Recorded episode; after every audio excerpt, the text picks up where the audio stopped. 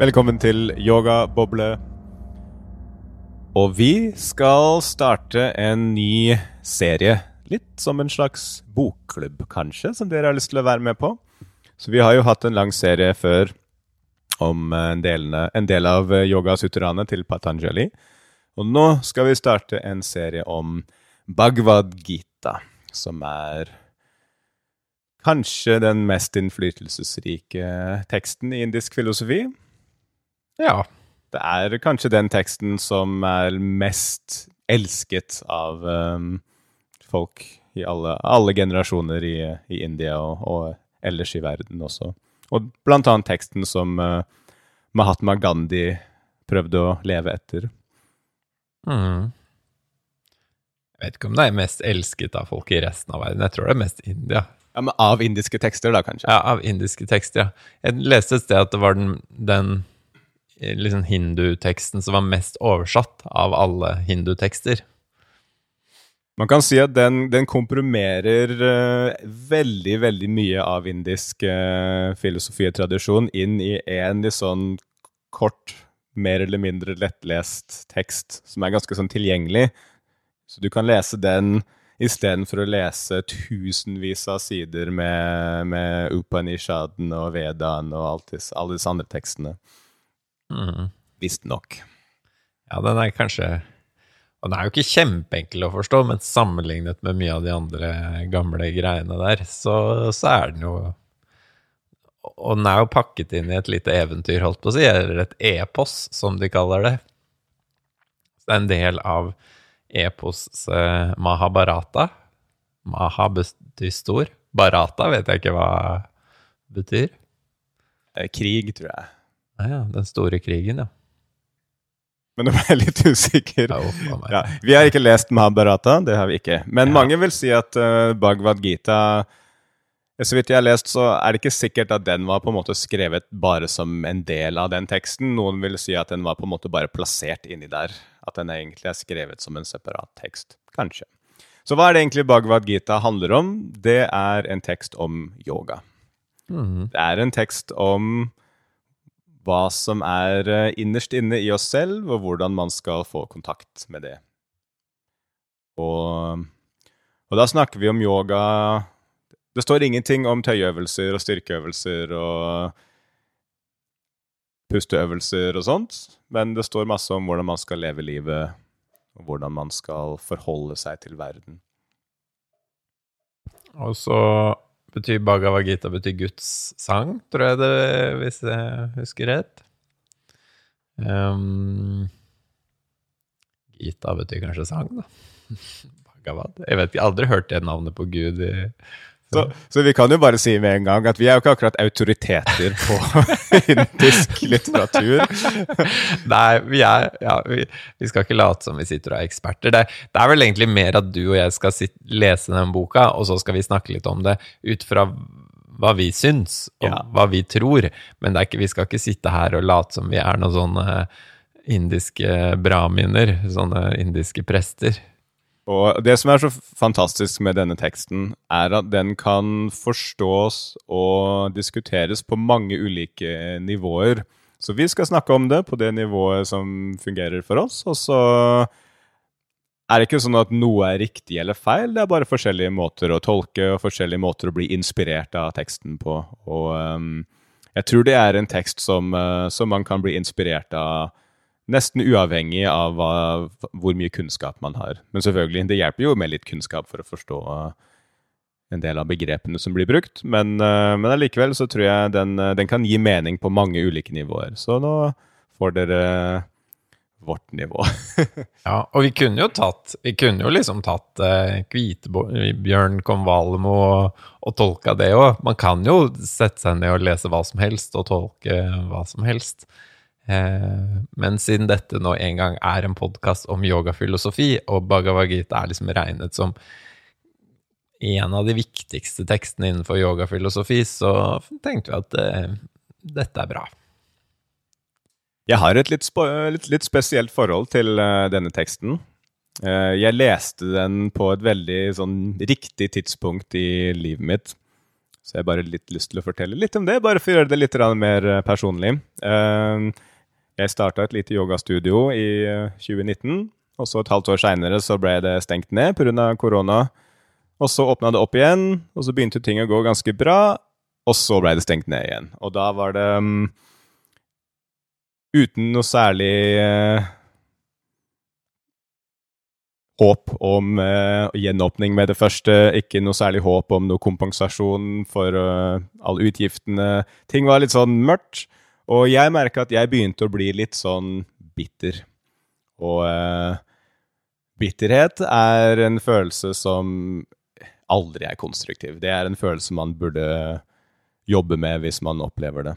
Uh, men jeg begynte liksom å følge med på nyheter og politikk. Jeg begynte liksom å se på stortingsmøter og sånne ting, bare for å se hvilke politikere som drev og ødela for meg. Og, og det var så frustrerende at liksom Raymond Johansen og Erna Solberg drev og krangla og kunne ikke samarbeide. og så, ja.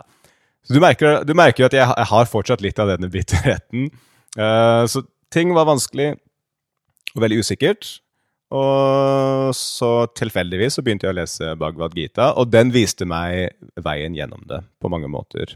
Spesielt denne delen som handler om karma-yoga, som er eh, ja, vi skal snakke om uh, seinere. Men uh, Så den teksten har vært veldig viktig for meg. Den viste meg ok, hvordan skal jeg forholde meg til denne situasjonen som jeg har null kontroll over. Og hvordan kan man komme gjennom det og unngå denne bitterheten, da. Og bare komme gjennom en vanskelig situasjon med kjærlighet og ikke bitterhet. Så um, skal sikkert snakke mer om den erfaringen uh, når vi kommer til de aktuelle kapitlene. Det er en liten cliffhanger. Hvis dere har lyst til å høre mer om bitterheten til Henry, så, så må dere fortsette å høre på episoden om Bhagavad Gita. Skal vi starte Vi vet ikke helt hvor langt vi kommer. Det blir enten kapittel 1 eller kapittel 1 og 2 i dag. Men vi kan jo starte litt. Så um, Historien starter at det er en svær krig. En gigantisk krig. Og så er uh, hovedkarakteren, som heter Arjuna, så han er en kriger. Arjuna, så det er et viktig navn å huske. Og han vi kan jo fortelle litt om Arjuna. da. Han var jo på en måte kjent for å være den råeste mm, bueskytteren i liksom eh, i mils omkrets. Veldig sånn kjent for å treffe midt i blinken. Eh, samtidig som han da eh, kjørte rundt på en vogn. Så det var vel sånn man kriget på den tiden, da. At man blant annet, men det var vel kanskje en viktig funksjon i det å krige um, var at de hadde bueskyttere som sto på vogn, og så, og så, var det da en kusk som skulle kjøre den vognen. Og vi kommer tilbake til kusken, for kusken er fryktelig viktig. Kanskje, kanskje den viktigste. Kanskje den aller viktigste. Så um, Arjuna ber uh, han uh, sjåføren å ta han til midten av slaget, for det, er, det har ikke begynt ennå. Hver uh, side, eller begge hæren. Ja, det står to hærer overfor hverandre da, på denne, en diger slette. Ja, og Vi skal ikke gå sånn veldig inn i detaljene her, for det blir så veldig komplisert. Men uh, poenget her er at det her er en veldig liksom, innvikla krig. Det er familiemedlemmer på begge sider. Så Arjuna må liksom krige mot, mot fettere og mot onkler, og det er uh, det er ikke veldig lett, men de kriger om hvem som skal være på tronen. Og mer enn det er ikke egentlig så relevant, vil jeg si. Det er på en måte bare settingen. Mm. Så, så, Arjuna vil liksom eh, ut i midten av um, den, uh, det området hvor de skal krige, og så vil han bare tenke litt. Og så er han egentlig veldig fortvila. For han tenker hvorfor, treng, hvorfor skal jeg være med i den krigen her? Hvorfor skal jeg drepe mine familiemedlemmer? Han blir plutselig veldig fortvila og helt satt ut, egentlig. Ja, han sier vel det at uh, det er nesten på en måte Hvis de vinner krigen, så må han jo drepe alle disse folka han kjenner og er glad i. Og hvis, uh, hvis han taper krigen, så taper han jo krigen. Så, så han, synes, han føler litt at han taper uansett hva han har gjort. Så han kjenner vel på sånn stor uh, håpløshet og, og forvirring. Og, og, han uh, mener det, og det er liksom ganske bred enighet på hans uh, side, at uh, de de skal krige mot, de er ganske onde. Så selv om de er familie, så har de liksom blitt korrupte, og, og landet ville blitt bedre hvis de vant krigen og på en måte tok over tronen. Så det er liksom utgangspunkt her. De er på en måte onde, de de skal kjempe mot, men det er også familie. Og det Arjuna egentlig sier, er at ja, men hvis vi dreper vår egen familie, blir ikke vi også syndere? Blir ikke vi også onde? Og hvordan skal vi da klare å skape et godt samfunn? Og der har han jo et poeng, ikke sant? Hvis, selv om du mener at du har på en måte mer rett til å lede, og du kommer til å gjøre det bedre, og de, de andre er onde Hvis du drar og så dreper dem, så hva, hva skjer med deg da? Liksom, blir du Kanskje du ikke blir noe bedre enn dem ved å gjøre den handlingen. Ja, det er litt tilbake til det ordtaket vi nevnte, tror jeg, sist. Det derre 'veien til helvete er brolagt med gode hensikter'. At han har på en måte en god hensikt med å krige mot, eh, mot de andre, som kanskje vil styre landet dårligere enn han og hans eh, del av familien. Men samtidig så så, så, er jo det å på en måte begynne å drepe folk eh, fordi man skal være en god leder, er jo kan jo være litt paradoksalt på den måten, da. Ja, jeg har lyst til å lese litt av noe av det han sier. Nå er jo det her litt Jeg oversetter direkte fra engelsk hvilken, her. Hvilken suter er det, eller hvilken uh... Ja, du kan Jens har en versjon på norsk, skjønner du. Så fra 38 så sier han litt sånn interessante ting. Skal jeg lese den? Ja. Eh, ok. 38. Om ikke de ser hvilken synd det er å gjøre ende på sin egen familie, fordi tankene deres er ødelagt av griskhet, hvilket fall det er å skade en venn. Hvordan kan det være at, at vi ikke vet å vende oss bort fra det? Vi så kan jeg stoppe deg litt der. Så det han sier, er at uh selv om de er onde, selv om de ikke har noe problem med å drepe sin egen familie. Men vi ser den ondskapen. Vi ser at det er noe man ikke burde gjøre. Og hvorfor skal vi ikke da vende oss fra den synden? Hvorfor skal vi være like onde som dem? Ja, ikke sant? For Jesus sa jo sånn Hvis noen slår deg, så vender du det andre kinnet til. Ja, ikke sant? Så selv om, selv om en annen person er ond, så skal ikke du nødvendigvis drepe dem, for da blir du kanskje ond, du også. Du skal møte ondhet med pasifisme, er jo det da Jesus sier.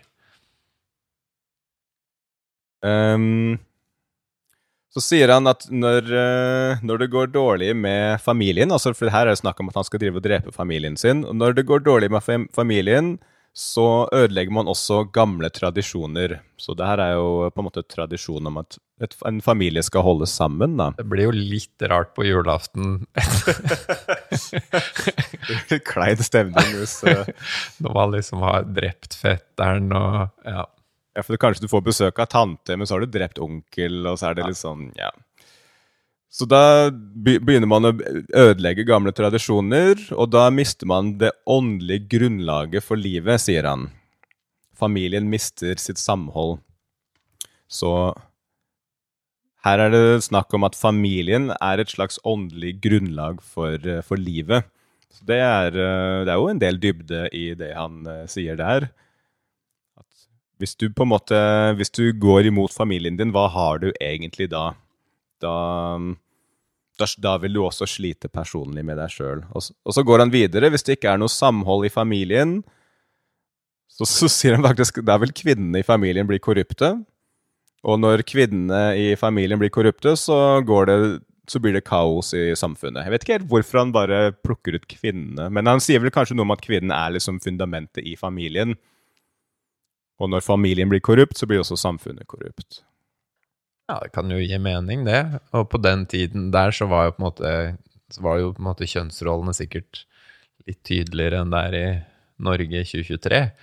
Så det var veldig sånn at kvinner var familiens Ja, som holdt familien, og mennene var mer ute og kriget og sånne ting. Så det er jo noe med det at han sier at ok, hvis, hvis, hvis vi mennene som er nå ute i krig, hvis vi begår ondskap, så kommer vi til å dra det med oss hjem til familien, og så da videre inn i samfunnet vårt, da. Og da begynner man å ødelegge våre åndelige tradisjoner. Så den eh, åndelige utviklingen som våre eh, forfedre har eh, skapt, kommer vi til å ødelegge med, vår, med våre handlinger. Og Det gir jo mening, det. Jeg syns Arjuna er inne på noe her. jeg. ja, Arjuna er jo ikke en Han er jo ikke uintelligent, liksom. Han eh, Han er både god til å skyte med pil og bue, og han eh, Ja. Og dette her er jo eh, et prinsipp som også går litt igjen i, eh, i Gamle testamentet. Dette med at det hjelper ikke at vi Jeg tror jeg snakka litt om det her kanskje i en annen episode. Det hjelper ikke at vi prøver å skape det beste samfunnet hvis vi personlig blir korrupte.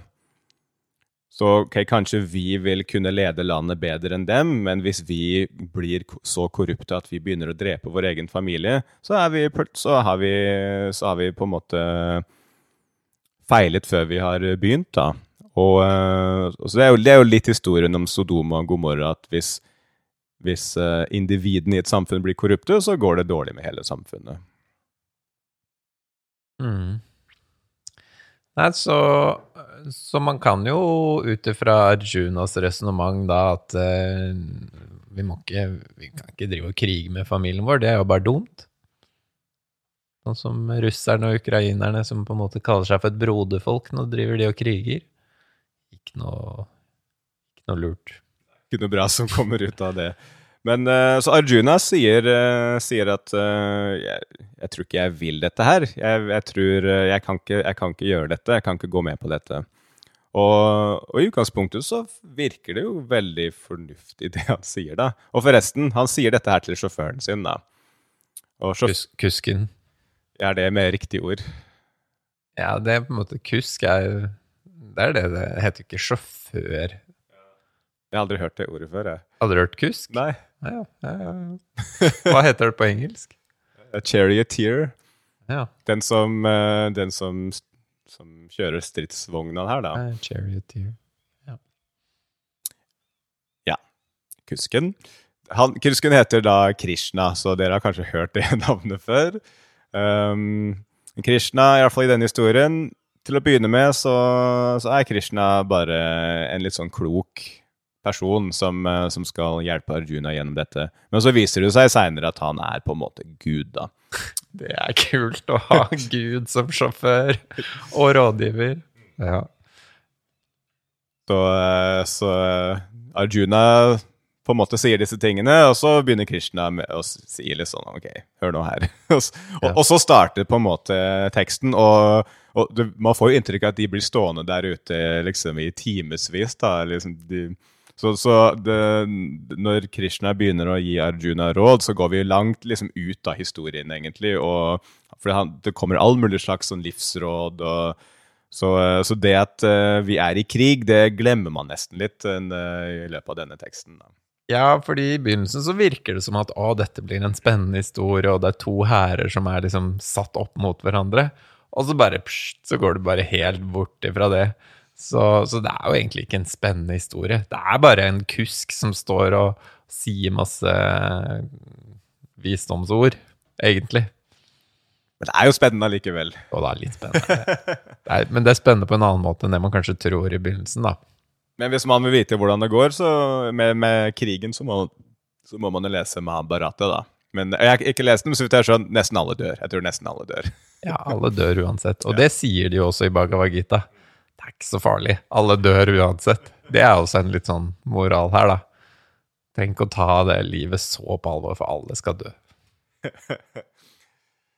Så, um, det er egentlig kapittel én. At uh, Arjuna er rett og slett helt fortvila.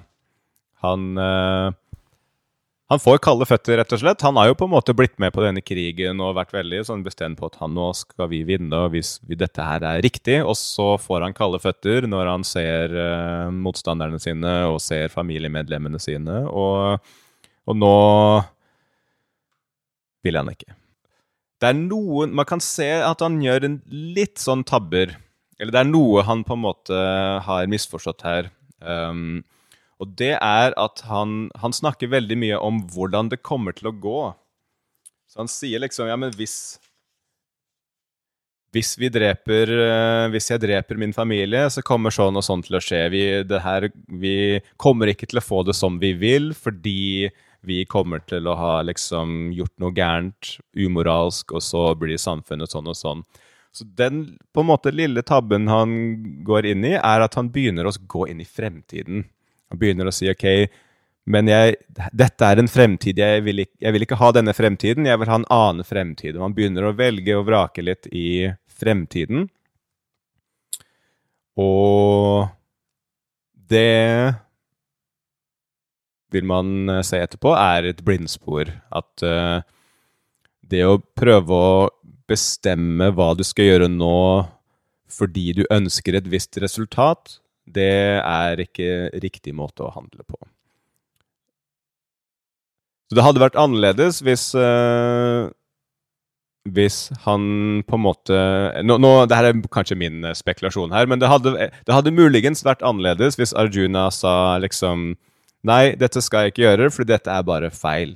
Dette her er, jeg, jeg er helt overbevist nå. Det er feil. Man skal aldri drepe sin familie. Dette her er feil. Men det er ikke helt den innstillinga han har. Han er mer fortvila han vet ikke hva han skal gjøre, men han er plutselig redd for hva som kommer til å skje i fremtiden. Så det er litt spekulasjon, eh, men det, det kan hende at han ville fått et annet råd hvis han på en måte var litt mer liksom bestemt og ikke tenkte så mye på utfallet, men bare tenkte ja, men man skal ikke drepe sin familie. Det er feil. Derfor skal jeg ikke gjøre det. Men da, man, da kunne man også spurt ja, men hvorfor kom du på det akkurat nå? Du har jo på en måte sverget at du skal gjøre denne handlingen. Du er jo en kriger. Du har jo, blitt, du har jo vært med på alle stegene til, denne, til, dette punktet. Hvorfor skal du plutselig vakle nå? Så det, det får han jo også høre etter hvert også. liksom bare, ja, men Skjerp deg, nå driver du plutselig og vingler. Det her har du bestemt for lenge siden. Mm. Så det er dette Det er dette med å ikke vær så opptatt av utfallet av det du gjør. Bare gjør det som er rett i hvert øyeblikk, og så får det gå som det går. Men utfallet er utenfor vår kontroll uansett. Det, det, som er innenfor vår kontroll, er det vi gjør, og det vi på en måte tror er best å gjøre i hvert øyeblikk. Og så, ja. Så det er vel kanskje litt moralen her, da. Ja, det er eh, han kom jo, Krishna kommer jo mer inn på det her eh, seinere, spesielt i kapittelet om karma-yoga. Men, da, men, men jeg, igjen, det her er min spekulasjon. Han ville kanskje fått et annet råd hvis ikke han var så veldig opphengt i resultatene. For han, han tenker liksom ja, hvis vi gjør det, så kommer vi til å få et, et uheldig resultat. Og da kan man si nei, det veit du ikke. Du vet ingenting om hva som kommer til å skje. Du vet kun hva du skal gjøre i dette øyeblikket. Men uh, hvem vet? Um, det er kapittel én. Um, det hadde vært veldig hyggelig hvis, uh, hvis, dere som lytter har lyst til å være litt med på uh, denne reisen. Um, vi kommer jo til å lage Ja, det blir jo fort 18 episoder, da. Um, det er 18 kapitler i ja, Bhagavad Gita. 18 kapitler, så vi kjører på Det er ikke sikkert alle episodene blir like lange, men vi, vi, vi, det er sikkert mest ryddig å ha én episode per kapittel. Og det blir eh, ikke nødvendigvis hver uke framover, for vi skal ha noen andre episoder med noen gjester, og kanskje vi bare tar litt pauser og sånt, men i hvert fall framover nå utover eh, mot sommeren og høsten og sånt, så blir det mye Bhagavad Gita. Og hvis du ikke har lest eh, teksten, så er det her en perfekt anledning til å begynne å lese den. Den er ikke så veldig lang tar kanskje bare fem-ti minutter å lese et kapittel. Så kanskje en god anledning til å lese teksten, lese kapitlene som vi eh, skal snakke om. Og så er det veldig hyggelig hvis dere har lyst til å være med og diskutere litt, kanskje stille litt spørsmål og komme med innspill på Facebook eller Instagram.